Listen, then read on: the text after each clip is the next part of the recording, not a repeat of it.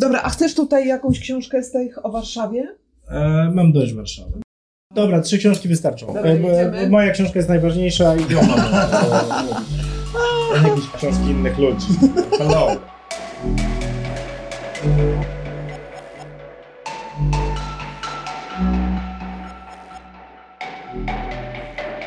Dzień dobry, Kubo. Dzień dobry. Widzimy się dzisiaj w ramach kolejnego odcinka Miasto Czytanie, więc e, porozmawiamy dzisiaj z Tobą o książkach, ale to będzie jakaś taka wypadowa tak naprawdę do szerszej rozmowy w ogóle o No mieście, książkach? architekturze. Przecież ich książka. Przecież? Kuba od razu powiedział, że będziemy rozmawiać o jego A, książce. prze- przepraszam, przepraszam. Jego tak. ego.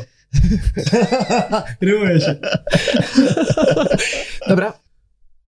Kuba, zaprojektowałeś w swoim życiu dość dużo domów jednorodzinnych.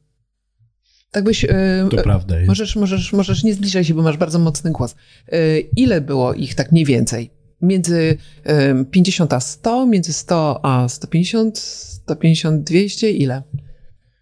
Y, Po pierwsze nie liczyłem, po drugie y, to jest tym bardziej trudne, że w którymś momencie wszedłem w y, projekty, w których y, projektuję koncepcje, które potem zostają przez architektów w całym kraju, współpracujących z y, już w tej chwili y, trzema firmami, e, wprowadzane na rynek poprzez całą biurokrację dla konkretnych lokalnych klientów, więc to, co jest wyjściową myślą, jest jeszcze przeinterpretowane przez kogoś innego i, i staje na drugim końcu Polski. Ja często widzę tylko zdjęcia. Mhm.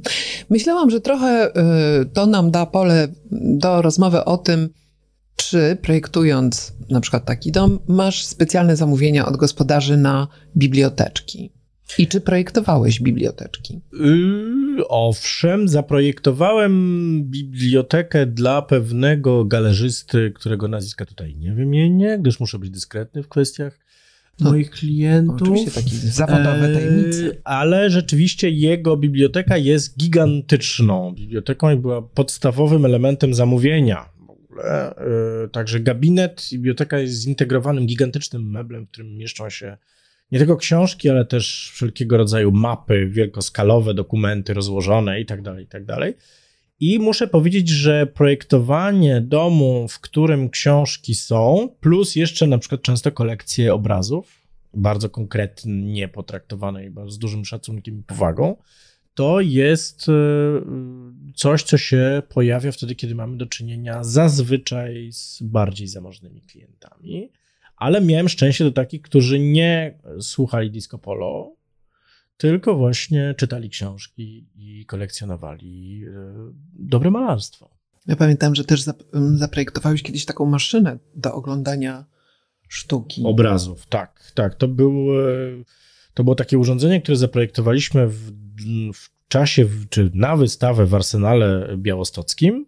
E, Wystawa nazywała się Na Wschód i był to automat zrobotyzowany, który na takich kręcących się karuzelach pokazywał obrazy anonimowego malarza, pozbawiając je kontekstu kuratora, galerii, e, brandingu, marketingu wokół nazwiska i tak dalej, tak dalej, tak żeby ludzie po prostu cieszyli się samą istotą obrazu. I ten obraz co jakiś czas w dwóch e, takich konfiguracjach, bo to były dwa kręcące się e, dwie kręcące się karuzele, pokazywały właśnie dwa obrazki i ludzie mogli zobaczyć. Zapytałam cię o to, dlatego że nie tylko jesteś y, znany jako autor domu Kareta, nie tylko jako osobowość, y, osobowość, właściwie powinna nastąpić kropka, ale telewizyjna i popularyzująca wiedzę o architekturze, ale także często dajesz się namawiać do udziału w dziwnych projektach artystyczno-artystycznych i trochę architektonicznych. Jeździsz po świecie, masz dużą y, swobodę obserwowania też tego, co, gdzie się dzieje, jaką wrażliwość mają ludzie w różnych ym, częściach świata. Czytasz w wielu językach, jesteś no, poliglotą, więc ym, to, że napisałeś książkę, której tematem jest właściwie opisanie architektury na przykładach y, zaczerpniętych z całego świata, no w ogóle to nie jest nic dziwnego. Tych przykładów jest, nie wiem, 19? 21. 21. Y, książka nazywa się Witaj w świecie bez architektów. y, Książka jest wydawana przez. MSN, czyli Muzeum Sztuki Nowoczesnej w Warszawie. I to jest też kolejna ciekawa sprawa, że Twoją książkę wydaje instytucja związana ze sztuką współczesną, a nie na przykład z architekturą, ale chcecie namówić na to, żebyś opowiedział nam o tej swojej książce właśnie poprzez y, klucz, w jakim dobierałeś przykłady, y, bo też musimy powiedzieć, że ta książka opisuje konkretne y, rozwiązania architektoniczne, pokazuje budynki, skupia się właśnie na tym, jak, jak ludzie sobie organizują tę architekturę. No więc jaki klucz przyjąłeś w tej, y, w tej, y, w tej książce? Punktem wyjścia była książka i wystawa Bernarda Rudowskiego e, z 1963 roku w MOMie, e, czyli Architecture Without Architects, architektura bez architektów, która e, mm, była też pewną cezurą dla architektów modernistycznych, e, pozwalającą na zrozumienie, że e, odcięcie się od przeszłości, przyszłości, w której e, mm, budynki, ale przede wszystkim całe zespoły architektoniczne były budowane bez architekta, bez jego nazwiska, bez wizjonerów modernistycznych ich etosu, tylko przez anonimowych przyszłych mieszkańców albo w ogóle bieżących mieszkańców, bo często były to architektury, które się działy jednocześnie z zamieszkiwaniem budowanej rzeczy. E, że mm, błędem jest odcięcie się od tej tradycji i należy je e, nie tylko uznać, nie tylko przyjrzeć się im, ale też wyciągnąć z nich wnioski na przyszłość. I idąc za tą myślą, zwłaszcza związaną właśnie z przyszłością, e, postanowiłem nie tylko pokazać ileś przykładów, które pokazywał Rudowski, ale też pokazać e, rzeczy, które się dzieją teraz. E, Rzeczy, które zwłaszcza dzieją się na marginesach tych przestrzeni, na które normalnie patrzymy, zwłaszcza ci bardziej kosmopolityczni z nas. Nie mówię tutaj o panu Czarnku. Natomiast są to przestrzenie, które y, bardzo często są laboratoriami przyszłości. Bo ta przyszłość y, y, zadziewa się moim zdaniem jako pewne modele y, w takich miejscach jak autonomia palestyńska, jak Izrael, jak Brazylia zwłaszcza, jak Indie. E, To tam zupa buzuje, to tam dynamiki społeczne są niezwykle dramatyczne, pełne takiej frykcji, czasem przemocy, przeimpulsowania, ale przede wszystkim e, no, niebywałej mocy i wielkości wizji, dlatego że mówimy o społeczeństwach, które e, bazują na konflikcie i bazują na statystykach, na ilości mieszkańców, ilościach ludzi, którzy mogą w różnych procesach wziąć udział. Em, Więc zarówno tam, gdzie mamy 3 miliony mieszkańców, ale mamy konflikt, ale mamy wciąż buzujące myśli, ide- ideologiczne starcia a, i wielką kreatywność, jak to się dzieje w autonomii palestyńskiej czy w Izraelu, y, jak i miejsca, w których do tego jeszcze musimy dorzucić e, e, bardzo bogatą przeszłość i teraźniejszość produkcji, nie tylko ideologii, idei, ale generalnie produkcji też nawet budowlanej, czy po prostu kreatywności artystycznej, takich jak Indie czy Brazylia. To, to są w efekcie miejsca, na które powinniśmy spojrzeć i ta książka do tego służy. Okej, bo ta kreatywność to jest też często po prostu niedobór. To jest coś, co Prawda, wynika z prawda. tego, że trzeba korzystać Coś z, obejść. no tak. no, z materiału, który jest dostępny. Czy... Bardzo często też obejść e, i wydaje mi się, że w tej chwili to zresztą w tym bierzemy udział w Polsce, znaczy w momencie, w którym się pojawia opresja e, ideologiczna, e, pojawia się kreatywność, która jest zupełnie naturalną odpowiedzią na pana Czarnka. No em, tak. Y, widzę, że mamy wyraźnego bohatera drugiego planu. Y, I mm, Pozdrawiam też pana Jarosława, który wymyślił pana Czarnka. a ja chciałabym, żeby Łukasz teraz z tej listy, proszę bardzo, przygotowałam No, się i wydrukowałam ja spis treści do Spis treści, książki. okej. Łukasz, wybierz, y, na chybił trafił któryś z rozdziałów, na którym się skupimy, bo rzeczywiście tam wędrujesz, y, Ameryka Południowa, y, Azja, z Afryki też y, są przykłady. y, po- Afryki Północnej. Afryki Północnej. Podróżujesz bardzo swobodnie po globie, po to, żeby pokazać nam zjawiska, które. Dzień dobry, nagrywamy program i zapraszamy po 12. Dobrze, y, ja już wybrałem, słuchajcie, jest taka wdzięczna nazwa, że są same wdzięczne nazwy, ale nalewki, czyli świat, którego już nie ma. Opowiedz znaczy, jeżeli mówimy o nalewkach rozumianych jako takie rzeczy do picia, to on się bardzo dużo ma i myślę, że każdy, kto ma ogród, y, wie, że nalewka jest bardzo ważną rzeczą. Natomiast jeżeli mówi o nale mówimy mhm. o nalewkach znajdujących się na terenie y, niegdyś, y, na terenie obecnego Moranowa, to jest to rozdział, który dotyczy pewnego modelu zamieszkiwania, który jest miszmaszem, zresztą nomen omen, jeżeli chodzi o stare dobre żydowskie określenie, jest miszmaszem pomiędzy modelem e, handlu, produkcji czy wytwórstwa rzemieślniczego i zamieszkiwania. Y, nalewki i generalnie y, kawał dzielnicy żydowskiej w Warszawie były przestrzenią, w, którym, w których te trzy elementy mieszały się w prawie dowolny sposób przy czym intensywność zabudowy, która była związana z e, po prostu tym, że była tam nieprawdopodobna wymiana handlowa, tak? Nie, nie, to było miejsce, do którego można było pójść i w zasadzie kupić dowolną rzecz i e, zamówić dowolną usługę.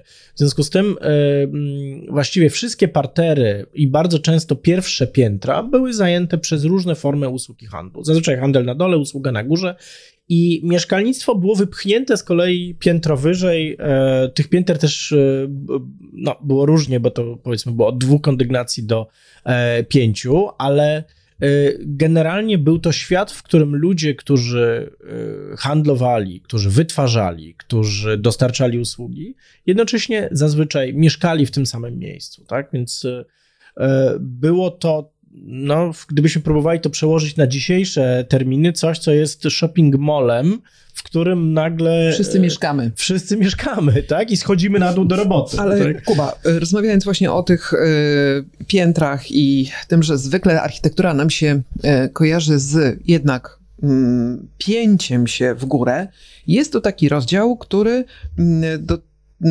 dokładnie y, dotyczy tego, jak mieszkać w dziurze w ziemi i nie płacić rachunków za ogrzewanie. On przykuł moją uwagę, ponieważ rachunki za ogrzewanie będą coraz wyższe. Coraz, coraz tak, wyższe. Tak, tak, no i jakie tutaj masz y, porady i w ogóle co to jest za historia? Słuchajcie, to jest niezwykle proste. To jest w ogóle robi się tak o, o tak. E, mianowicie po pierwsze trzeba wymienić gleby w Polsce na e, skałę lessową to jest bardzo proste. I wtedy, kiedy już będziemy mieli tę skałę lessową, trzeba kupić szpadle.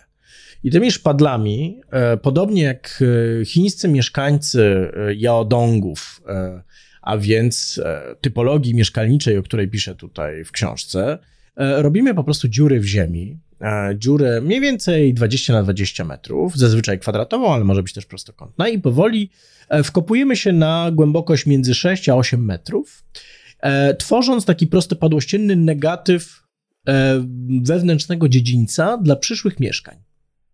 A te mieszkania robimy z kolei kopiąc już w wytworzonej ścianie w każdym kierunku. Tak? Nie no, czterech brzmi, kierunkach. brzmi jakoś prosto. I teraz okazuje się, że ta skała lesowa ma świetne wartości izolacyjne, jeżeli chodzi uh -huh. o termikę i w związku z tym bardzo sympatycznie e, utrzymuje temperaturę w okolicach 20 stopni Celsjusza. Natomiast jeżeli radykalnie spadają temperatury na zewnątrz, można sobie dodatkowo wymyśleć jakieś e, ogrzewanie. Co ciekawe, e, kreatywni Chińczycy wymyślili, e, no trzeba powiedzieć, że to jest stara typologia, ona ma parę tysięcy lat, wymyślili podgrzewane łóżka.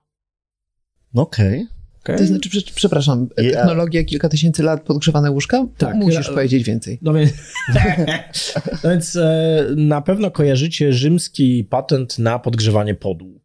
Więc jest to jego odpowiednik, ale dotyczący tylko sfery zakresu, zarysu e, łóżka, na którym się śpi. Tak? A więc mamy pod, podziemną instalację, która podgrzewa wodę, e, która jest e, mm, zazwyczaj bazuje na drewnie, w, no, potem już na innych opałach z węglem włącznie i która po prostu podgrzewając wodę wprowadza ją w cyrkulację. Jest to jakby wielkoskalowy odpowiednik e, podgrzewania wody hydraulicznie dzisiaj w naszych łazienkach. Twoja książka jest e, o tyle, e, powiedzmy, ciekawym zjawiskiem na tej e, przestrzeni publikacji dotyczących architektury, że ona nie ukrywa swojej popularyzatorskiej misji.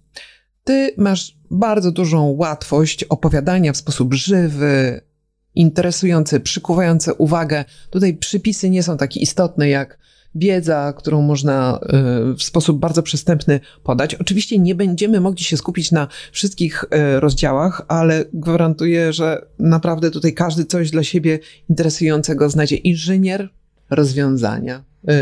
Y, konstruktor na pewno też jakieś wskazówki. On też jest inżynierem. Architekt, no ale już takim, no taki inżynier. Taki, taki inny inżynier. inżynier, nie taki inżynier, po prostu taki jakiś ogólny inżynier. Rozumiem. Nie, no ale jak się tutaj przeleci wzrokiem przez te treści, to widać, że i są y, kwestie dotyczące wieżowców, jak być sołtysem w wieżowcu, jak zaprojektować osady dla nowego społeczeństwa, y, lewicowa utopia, która działa, jak żyć w przegródce szuflady, nie wiem, jak przeliczyć słońce, morze i plażę na pesety euro, to jest akurat trochę groźne. Albo, ale, ale wiesz, pieniądz jest pieniądz. Albo na przykład jak uniknąć e, katastrofy, to jest ostatni, ostatni rozdział, który tę książkę podsumowuje, ale e, to, co wydaje mi się tutaj bardzo istotne, że jedna z tych, jeden z tych rozdziałów dotyczy e, wysp, mieszkania na wyspie, ty jesteś konstruktorem wyspy i tutaj stoi przed nami książka, którą która jest właściwie zbiorem takim podsumowującym twoje dociekania, czy można byłoby skonstruować mini wyspę, odpowiadającą na kilka różnych problemów. A więc te twoje zainteresowania, które zmieściłeś w książce, której tytuł jest paradoksalny, tak? O tym świecie bez architektów. Pisze architekt opisując. Przy czym e, jednocześnie większość z tych ludzi, którzy biorą udział w tych projektach, to są domorośli architekci, tak? Oni je dzieją, oni robią tą architekturę, tak? No właśnie, ale mm, wiesz, gdybyśmy się mogli troszeczkę cofnąć właśnie do roku, to był chyba 2009, kiedy ta książka się ukazała i kiedy twoje pierwsze jakby mm, próby stworzenia tego mechanizmu, który jednocześnie był odpowiedzią i na kryzys klimatyczny, i na y, odkrywanie miasta, i na odkrywanie rzek y, w tych miastach, to było bardzo ciekawe działanie, no bo niekoniecznie związane bezpośrednio z architekturą, ale jednak uruchamiające pewną wyobraźnię dotyczącą przestrzeni i tego, jak tej przestrzeni używamy. Może właśnie nie bez kozery, nie architektoniczny podmiot wydaje tę książkę. Uh-huh. Nie na Wydziale Architektury zrobiłem doktorat, tylko na SP i uh-huh. tak dalej, i tak dalej. Ale y, y, wyspa y, miała służyć temu, żeby pokazać e, mieszkańcom Warszawy, jej użytkownikom, uprawiającym na niej e, sporty, bezpośredni wpływ na zmianę y, jakości wody.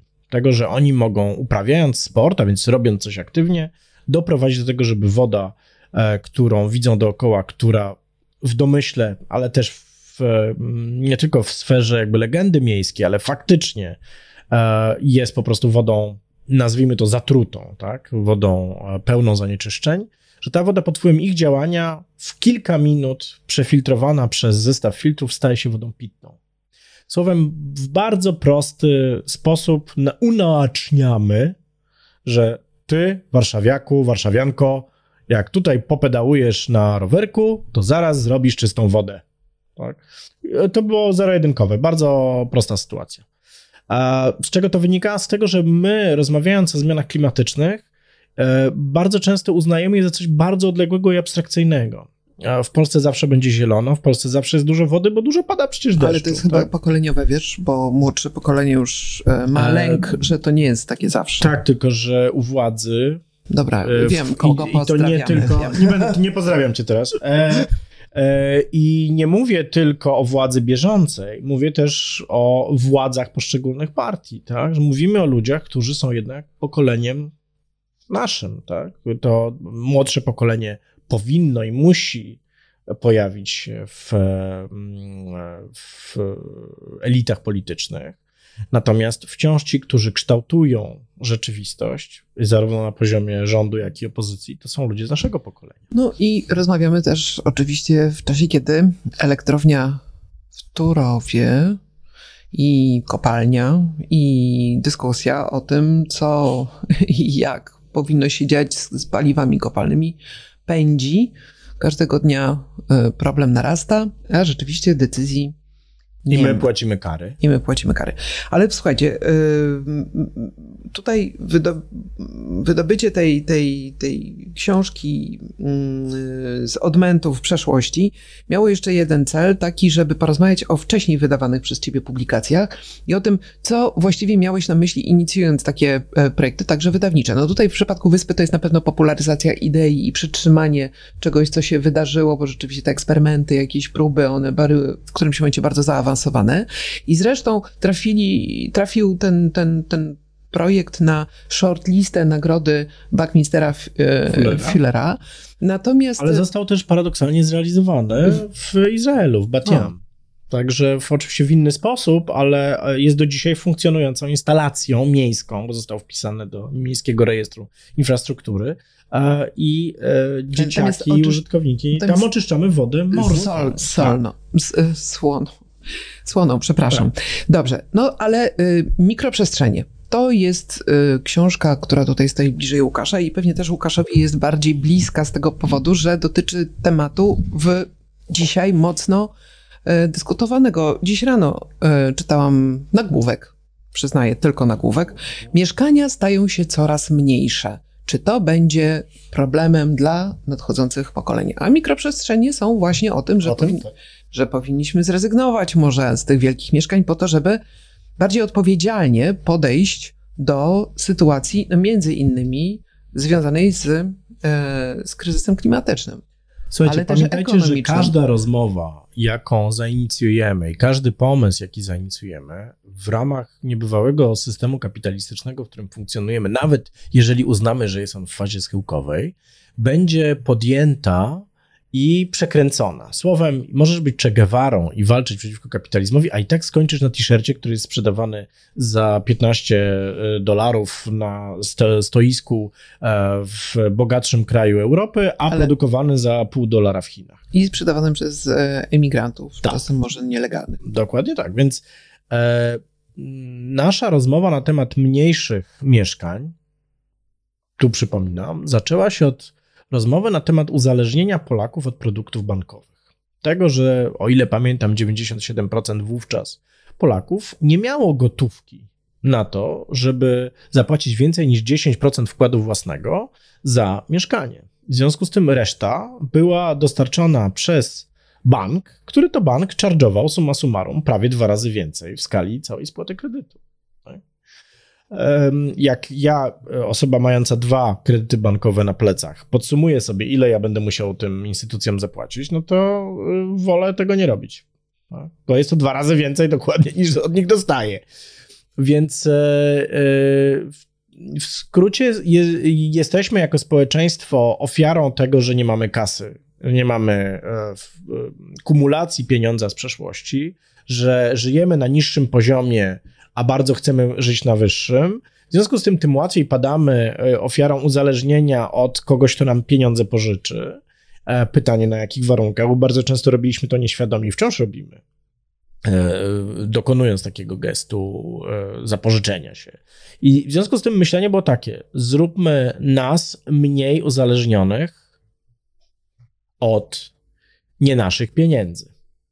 Czyli w skrócie pożyczmy mniej, E, zakładając, że mamy cenę X w danym momencie realizacji metra kwadratowego i sprzedaży tego metra, e, może jesteśmy w stanie, przyjmując e, normy efektywności projektowania mieszkań z czasów mieszkalnictwa socjalnego, zwłaszcza w krajach bardziej rozwiniętych, gdzie ten temat był o wiele lepiej opracowany niż w Polsce. My zazwyczaj się po prostu wzorowaliśmy, ale mieliśmy też dużo dokonań, trzeba powiedzieć.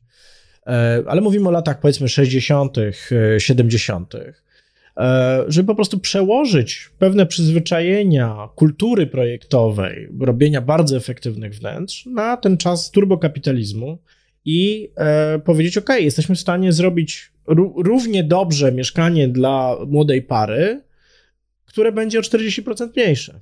A wciąż ikeowskie mebelki tam zmieścimy, bo i tak skończymy w Ikei. Tak jest, no, tak jest, tak no, jest. Natomiast ale... pytanie jest takie, czy wiesz, poruszyliśmy tutaj i, i wyspę, i mikro, mikroprzestrzenie, i zresztą tą książkę, twoją najnowszą. I ja mam wrażenie, że ta wiedza popularyzatorska, którą tworzysz, to jest super, ale to bardzo powoli w nas przesiąka. Wiesz o co chodzi, że ten, ja nie widzę, ja się jakby mówisz, mówisz, mówisz i ja jestem coraz taki, coraz bardziej mówię, Boże, my się nigdy nie zmienimy. I... to wczoraj miałem taką rozmówkę w, wiesz, messengerową z Denisem Wojdą, yy, grafikiem, ilustratorem, e, który e, też taką tezę powiedział, że po prostu jeżdżąc po Warszawie ma wrażenie, że ta zmiana estetyczna, yy, takie przyklepanie tej dysharmonii, w której funkcjonujemy, zabierze tyle czasu, że on tego nie dożyje żeby zobaczyć Warszawę ładną. Słuchajcie, przestańcie tutaj, e, przestańcie tutaj negatywizować. Skręcać w jakieś takie rejony. E, to, co się wydarzyło ostatnio w Berlinie, czyli głosowanie mieszkańców, którzy tam mm, rzeczywiście korzystają z no, e, e, urządzenia czy też narzędzia, które u nas nie jest popularne, czyli na taką skalę tego wynajmowania mieszkań od firm, które e, taki wynajem oferują. Ten bunt mieszkańców Berlina, którym ostatnio podwojono w ogóle czynsze w bardzo krótkim czasie i udane referendum na rzecz wywłaszczenia tak naprawdę tych firm z posiadanych lokali, no to jest jakiś, y, jakaś też odpowiedź, wydaje mi się, oddolna tych wszystkich, którzy e, są świadomymi mieszkańcami e, miasta, a przede wszystkim świadomymi tego, o czym ty powiedziałeś, że po prostu te pieniądze, e, które muszą płacić, one zwyczajnie nakładają im takie Kagańce. No nie wiem, czy kagańce, ale takie, no wiecie, no, obciążenia, które są ponad ludzkie siły. I no dajcie, bogatsi no. będą zawsze bogatsi. E, Aha, no dobra, to przejdźmy w takim razie do innego terminu. Zawsze są, te, dlaczego są bogatsi? Bo są sprytniejsi. Dobra, to teraz przechodzimy do innej części naszej rozmowy. E, w tej części, mianowicie, pytamy o to, co wybrałeś tutaj sobie z Benza? Co cię, wiesz, zachęciło, mhm. czy to okładką, czy treścią, czy... Ujawnimy te twoje wypowiedzi. No więc e, książka Dona Normana Design na co dzień mhm. jest książką, którą poczytuję. Raz przeczytałem ją e, od deski do deski, a co jakiś czas wracam do konkretnych rozdziałów. Eee Dlaczego? Dlatego, że jest to kompendium, które powinni przeczytać wszyscy, którzy w ogóle projektowaniem jakimkolwiek, od projektowania społecznego, projektowania procesów, e, na projektowaniu produktu i architektury kończąc, powinni przeczytać. Dlaczego? Dlatego, że on tutaj step by step i to w sposób, który był aktualizowany przez wiele lat, jest to kolejne wydanie, e, jest to tłumaczenie po kolejnym wydaniu. E, mm, on pokazuje na przykładach w bardzo prosty sposób, jak należy i nie należy projektować. I to są e, bardzo ciekawe rzeczy, dlatego że też opowiadają o pewnym systemie, który jest bezwzględny, który działa tak, a nie inaczej, który oznacza, że wiele fantastycznych pomysłów, które są nie tylko w kategoriach komercyjnych fantastyczne, bo przyniosą projektantowi, producentowi, sprzedawcy pieniądze, ale przede wszystkim, które mo mogą mieć impact pozytywny impact na funkcjonowanie rzeczywistości, w tym ekologiczny, że wiele z tych pomysłów nie ma szansy zaistnienia w danym momencie, w momencie, w którym są wymyślone. I e, muszą przezimować i pojawiają się w innej wersji, wyciągnięte przez kogoś, kto dzięki jakiemuś przepływowi informacji może się odnieść. Do, tak mniej więcej jak z Wiktorem Papankiem, tak? Że właściwie to, co Wiktor Papanek pisał, co było e, pewną modą, ale bardzo, czymś bardzo niszowym, w zasadzie dzisiaj jest w dużym stopniu w mainstreamie, tak? No jest totalną podstawą, to prawda. Tak, no. ileś rzeczy musiało się zadziać, żeby te, te, te mm, pomysły mogły zacząć mieć naprawdę jakiś impact e, od rynkowego po ekologiczny e, mm, w naszej rzeczywistości.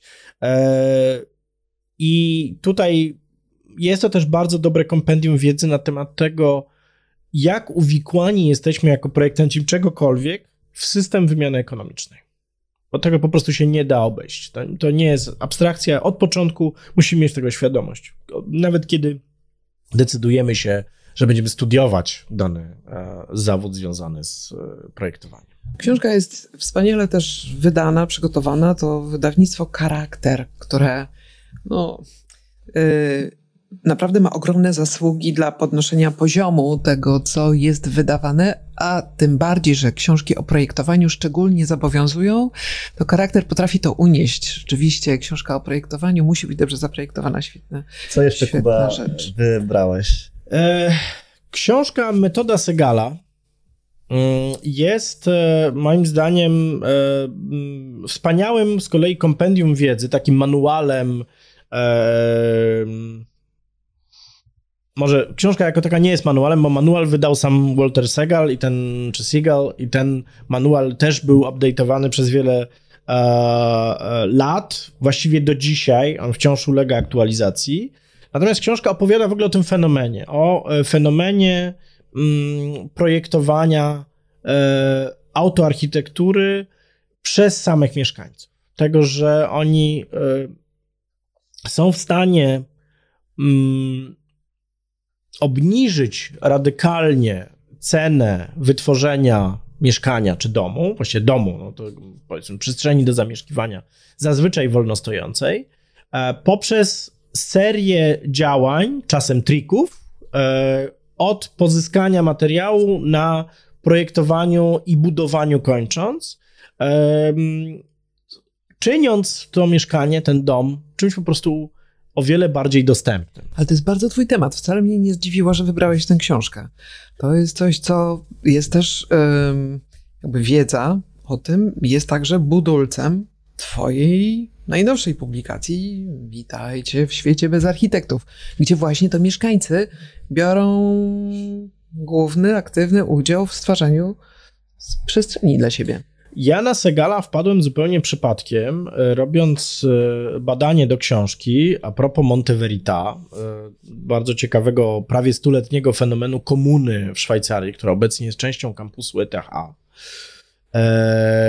I Monte Verita było miejscem, które przyciągało różnego rodzaju myślicieli, ale też artystów, od, nie wiem, Izadory Duncan, po właśnie takich ludzi jak Seagal. I Seagal był właściwie pierwszym człowiekiem, któremu udało się tak jasno opowiedzieć o tym, że architektura nie musi być ani narzędziem politycznym, populistycznym w rękach socjalistów, faszystów, komunistów, whatever, ani nie musi być elitystycznym towarem projektowanym przez drogich architektów. Tę książkę napisał Mateusz Gierszon. Ona została wydana przez Oficynę Wractwa Trojka.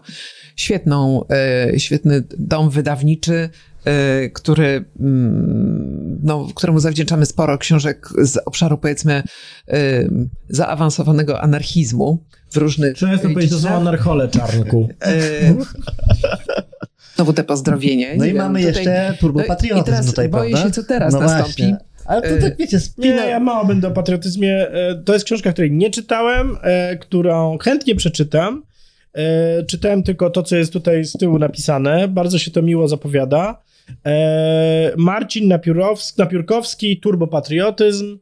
E, wydaje mi się, że jesteśmy w momencie, w którym takich tu, turbopatriotyzmów możemy się naliczyć na całym świecie od groma, ponieważ cały zbieg okoliczności od dania głosu ludziom, którym nie powinniśmy dać głosu, uwaga, tutaj jest e, ograniczająca e, niepoprawna politycznie. Niepoprawna politycznie we mnie myśl taka, że po prostu wielu ludzi nie powinno mieć głosu. A więc jestem naprawdę elitystyczny, straszliwie w tym momencie. Więc jak mogę jednocześnie lubić anarchistów, a jednocześnie być elitystyczny? No, hello. W każdym razie wydaje mi się, że to jest taki moment, w którym e, musimy się zastanowić nad innymi mechanizmami regulującymi a funkcjonowanie naszych demokracji, póki jeszcze one są demokracjami, w których i póki jeszcze w ogóle możemy demokratycznie coś regulować, dlatego że mm, gdzieś bardzo daleko odjechaliśmy od po pierwsze ideału merytokratycznego. E, po drugie, ta, mm, ta demokracja pada ofiarą przerażających populizmów najniższego sortu. E, mówię to jako osoba niższego sortu, Jarosławie oczywiście. E, I wydaje mi się, że mm, to jest moment, w którym my koniecznie musimy wymyślić nowe formuły. Ale wiesz, na to, teraz. To, co mówisz, to jest bardzo, bardzo ciekawe i wydaje mi się, że sporo osób w tej chwili ma e, takie uczucie mm, zamieszania, tego, że dzieją się rzeczy, których, które trudno jest uporządkować i ta bezradność wobec e, nie wiem, na przykład Bąkiewicza, który e, swoim sprzętem nagłaśniającym, kupionym za dotację od ministra kultury, dziedzictwa narodowego i sportu. Może siać nienawiść. Może mhm. spokojnie i bezkarnie, co widzimy, siać nienawiść. To, są, to jest taka atmosfera, w której rzeczywiście bardzo dużo osób czuje, że tak dłużej być nie powinno, czy coś powinno zostać zmienione, ale jaka będzie architektura tej przyszłości, to e, nie ma jasnej odpowiedzi i może to i dobrze, Kuba, że tych architektów przyszłości jakby trzeba by bardziej rozmnażać niż y, liczyć na to, że jeden czy jedna pojawi się na horyzoncie, która ustawia nam świat. Nie no, już jedna jest taka postać na Żoliborzu. Mieszka. Dobra, już. E, w związku z tym, związku z tym słuchajcie, e, kończymy nasze dzisiejsze spotkanie w tym... E, w, za, zaczę, zaczęliśmy, od, zaczęliśmy od architektury, zaczęliśmy od rzeczy właściwie drobnych, bo od domów jednorodzinnych. Skończyliśmy też na domu jednorodzinnym w, w, w konkretnej lokalizacji na Żoliborzu.